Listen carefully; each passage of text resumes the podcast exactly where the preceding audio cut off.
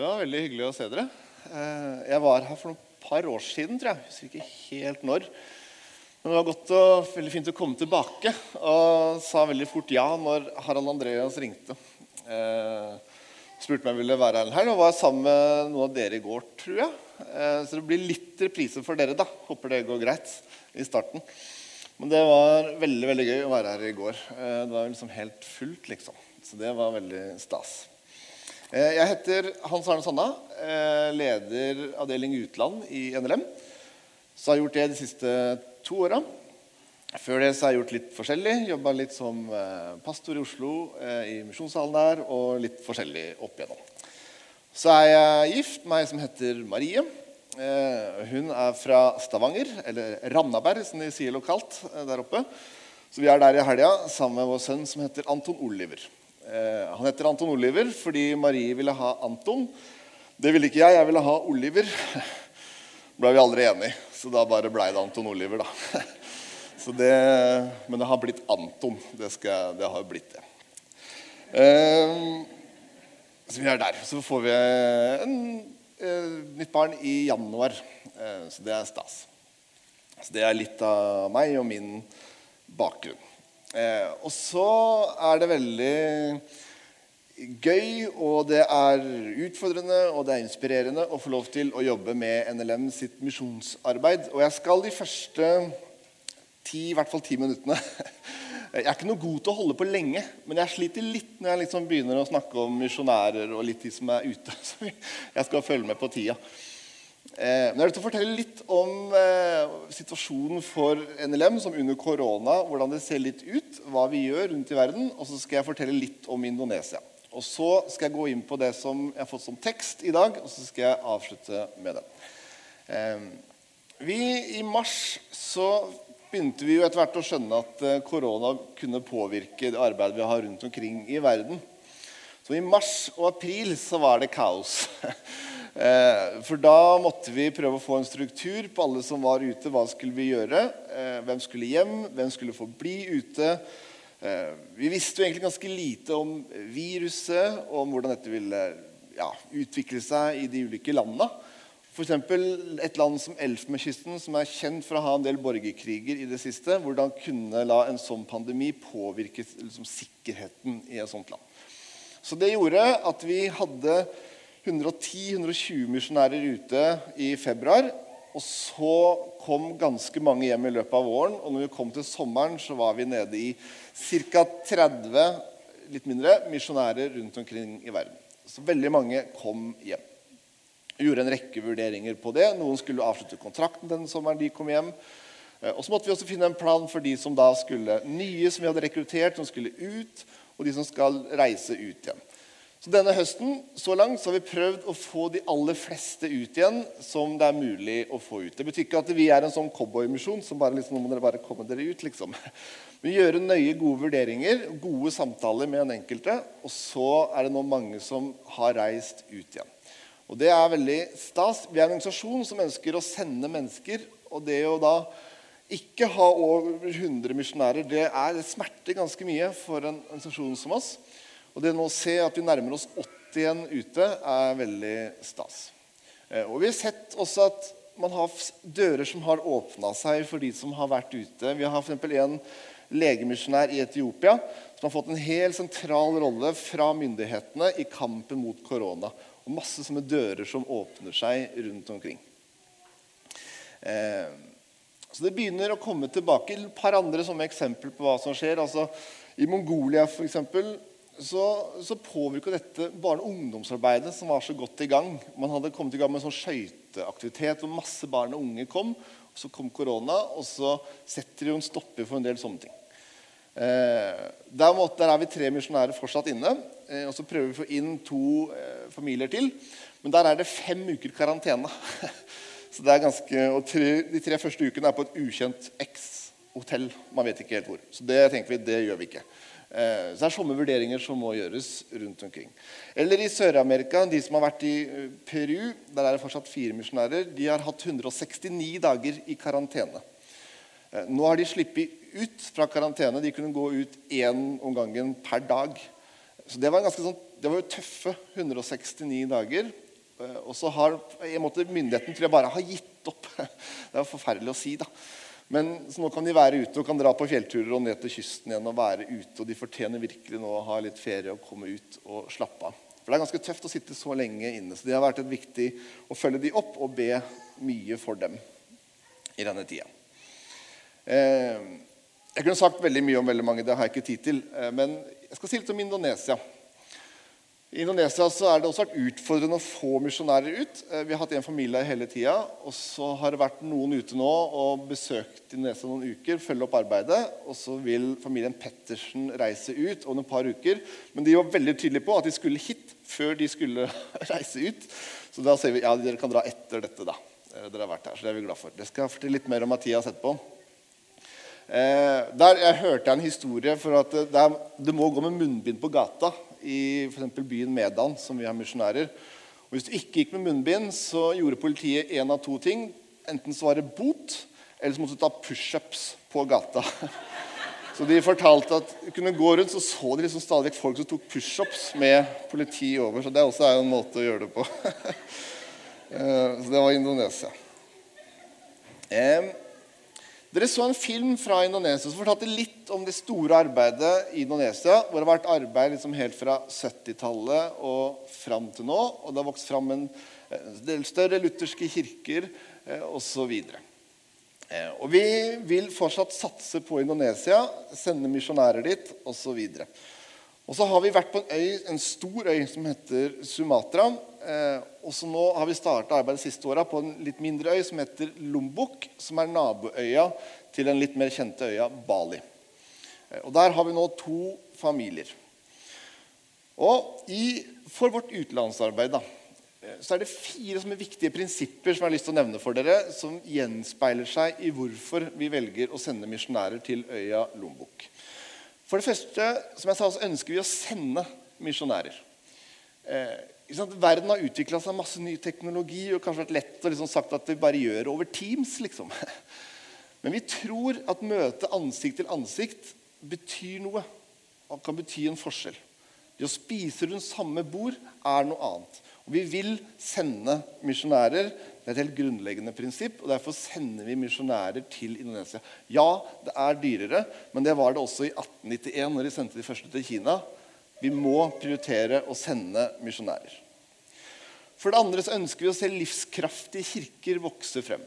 Det betyr ikke at vi planter NLM-kirker rundt omkring i verden, men vi ønsker å se livskraftige kirker vokse frem der vi jobber. Og På øya Lombok så er det forfølgelse av kristne. Det kan være tøft å samles til gudstjeneste. Eh, og Et sted så har de et rom, et sånt hemmelig rom inne på et hotell, hvor hotelleieren er kristen, hvor den lille menigheten møtes på Lombok. Og Det å være en støtte for dem er viktig for oss. Det å se livskraftige kirker vokse frem. For det tredje altså det var å sende misjonærer, se livskraftige kirker, og det å gå til det vi kaller de minst nådde, altså områder hvor det er få kristne og få kirker. På øya Lombok så er det veldig få kristne.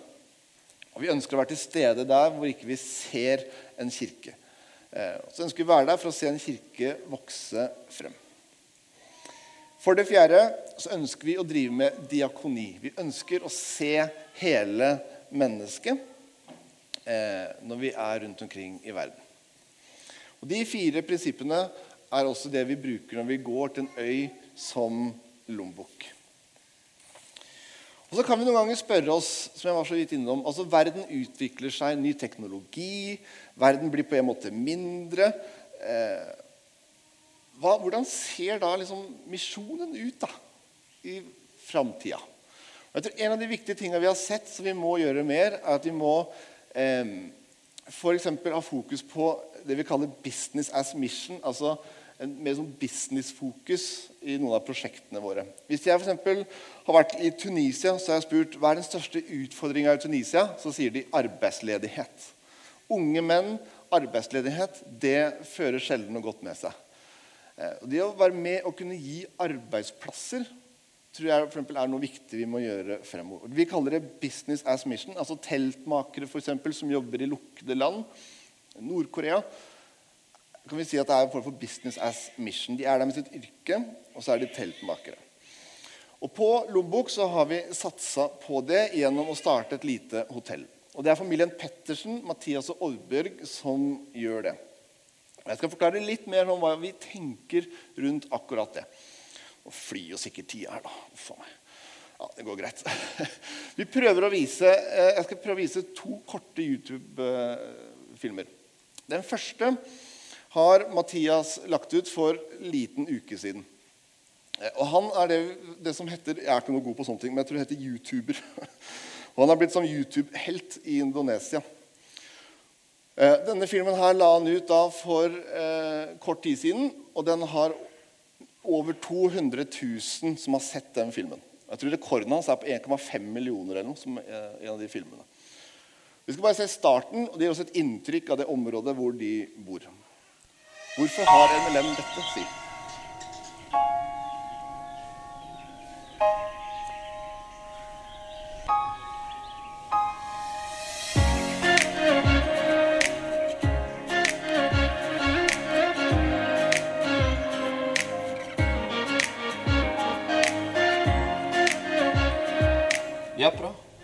Course I can give you a little update on the support.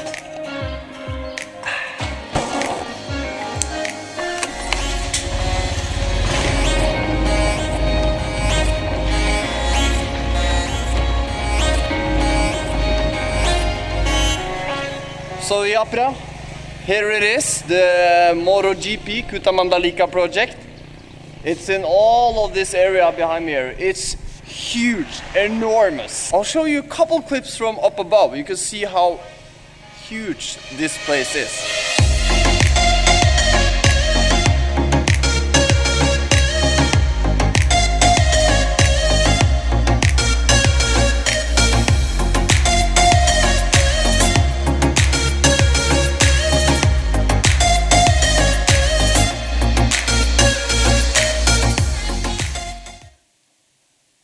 Stoppe den.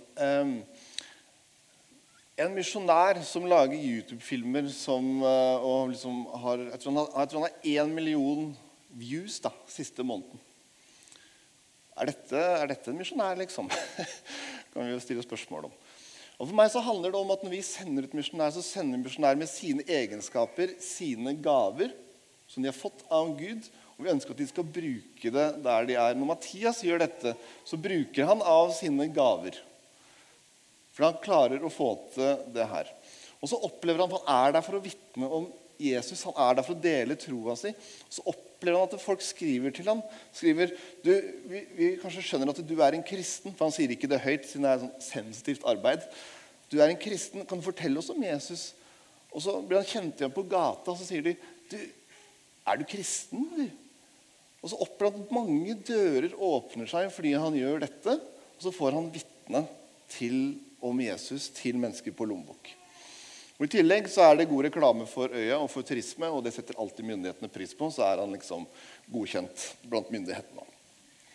Men så har vi utfordra han og Oddbjørg til å et, eh, starte et lite hotell på Lombok. Sørspissen der, som er et sånn surfe-backpackersted med mange da lokale.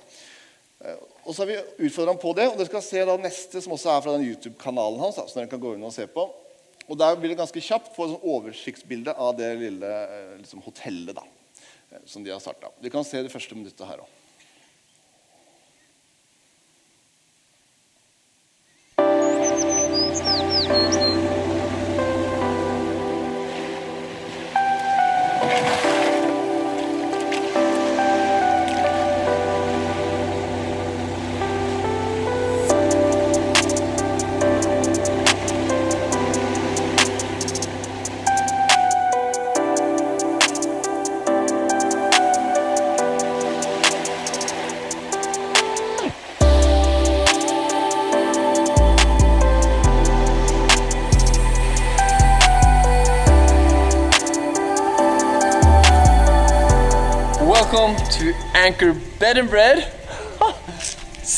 Nice to show you this again after five months.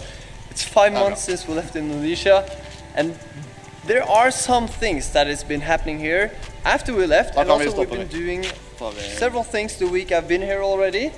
Uh, so, yeah, I'm going to show you now. For instance, now we have the security post here in the beginning.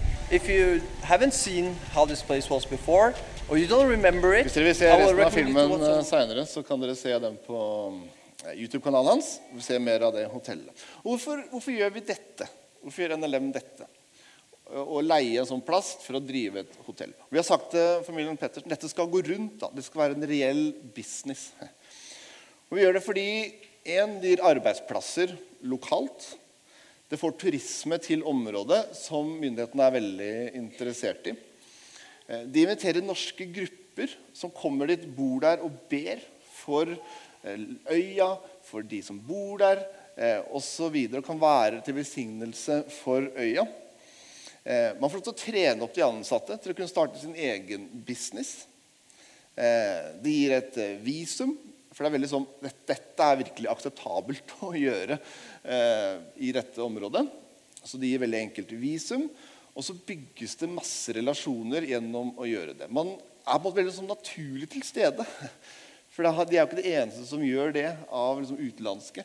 Så de vil liksom naturlige relasjoner, og så kan man gjennom det peke på Jesus og vitne om Jesus. Eh, Og så opplever man da virkelig at man får lov til å bety noe for sitt nærområde, også når det kommer til det å peke på Jesus. Eh, Så sånn prøver vi som misjon da, å tenke hele tida nytt. Hvordan kan vi få til nye ting der vi er, eh, slik at vi når lenger ut med budskapet om Jesus. Det var noen glimt av liksom det store arbeidet, også ned til Indonesia. Og jeg er veldig takknemlig for at dere vil være med og sette et fokus på det her. Og være med og støtte dette. Og så tror jeg Oddbjørg og Mathias kommer hit om ikke så lenge. Eh, Det var min informasjon. Og så skal jeg lyst til å lese teksten fra Matteus 6, og så skal jeg si noen par ord om det, som på mange måter også handler om det jeg har innleda med. Matteus 6, vers 1-4. Der står det som følger. Pass dere for å gjøre gode gjerninger for øynene på folk, for å bli sett av dem. Da får dere ingen lønn hos deres far i himmelen. Når du gir en gave til de fattige, skal du ikke utbasunere det, slik hyklerne gjør i synagogene og på gatene, for å bli æret av mennesker. Sannelig, jeg sier dere, de har alt fått sin lønn. Når du gir en slik gave, skal ikke den venstre hånden vite hva den høyre gjør. For at det kan være en gave i det skjulte, og din far, som ser i det skjulte, skal lønne deg. De første 18 versene Nå leste vi jo de første fire versene. De første 18 versene i dette kapitlet eh, de handler om de klassiske fromhetsgjerningene i jødisk tradisjon, og også da i den første kirke- og kristentradisjonen. Nemlig det å gi, eller almisse, bønn og så faste. Og I en jødisk tradisjon så var disse tre gjerningene det var sånn sett på som de virkelig liksom, toppen av kransekaka. Liksom. Altså, det var viktig. Det var viktig å gjøre disse og følge disse. Og når Jesus tar de opp, så var det nok av flere grunner. Og En av grunnene var nok også fordi han opplevde fariseerne som sa at, eh, som gjorde dette til lovgjerninger, og det handla om frelse for dem. Eh, så var det også denne kampen mot fariseerne som Jesus tar dette opp. Og så er disse første versene som jeg leste, og som jeg å si noen par ord om. Når jeg leste det første verset, så leste jeg altså, en generell advarsel om hvorfor vi gjør det vi gjør når vi gir osv. Eh, En advarsel om å ikke gjøre det for å bli sett av mennesker, men vi gjør det i vår relasjon til Gud og for å tjene Gud.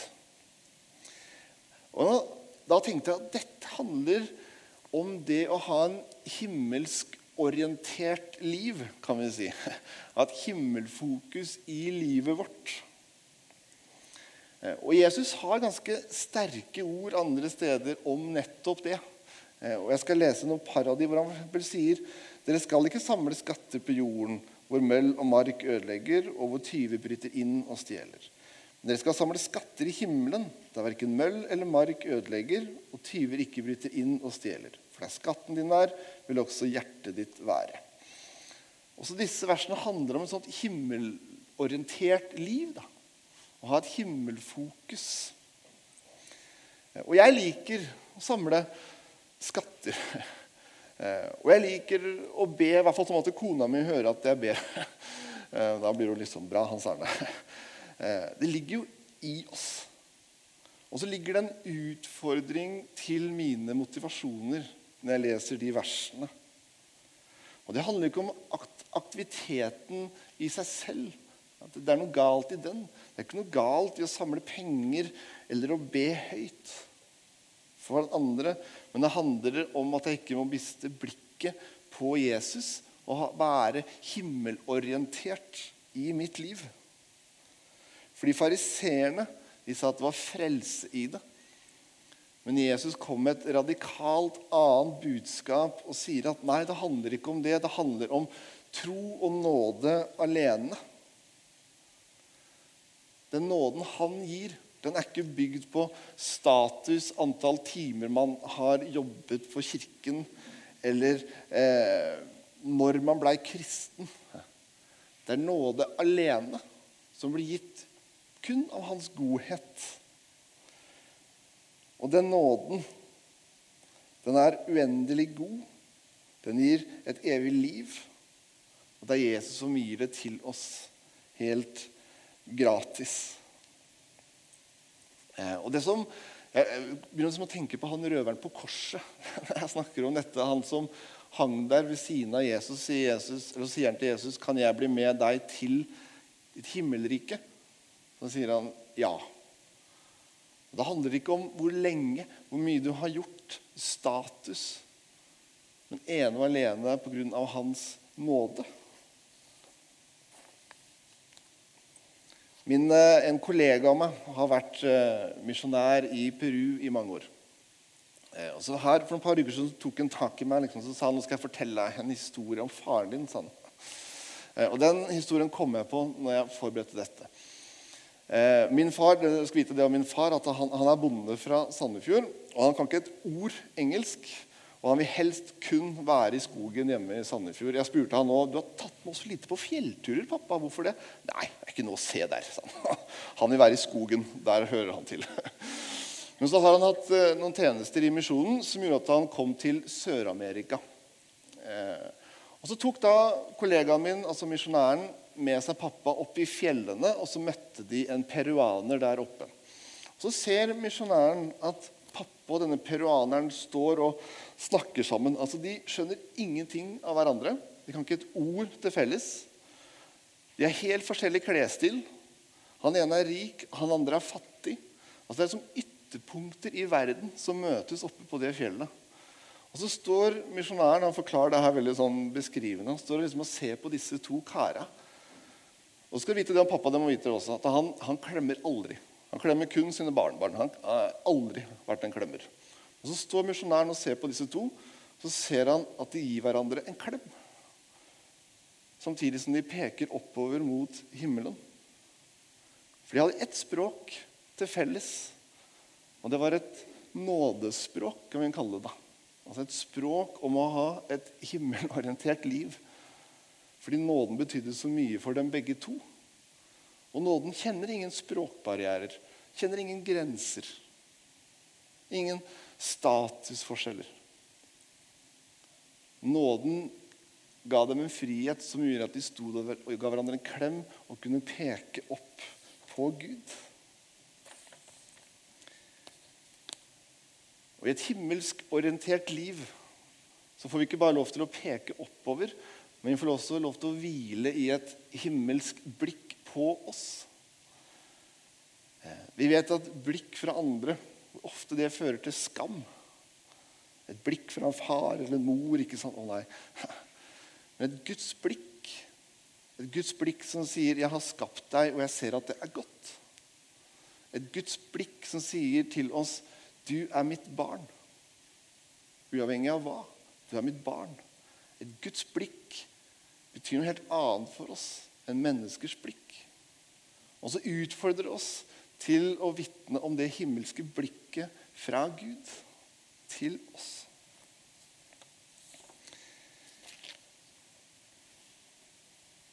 de siste par minuttene. Denne teksten utfordrer oss også på flere ting. Den utfordrer oss på å gi til de fattige.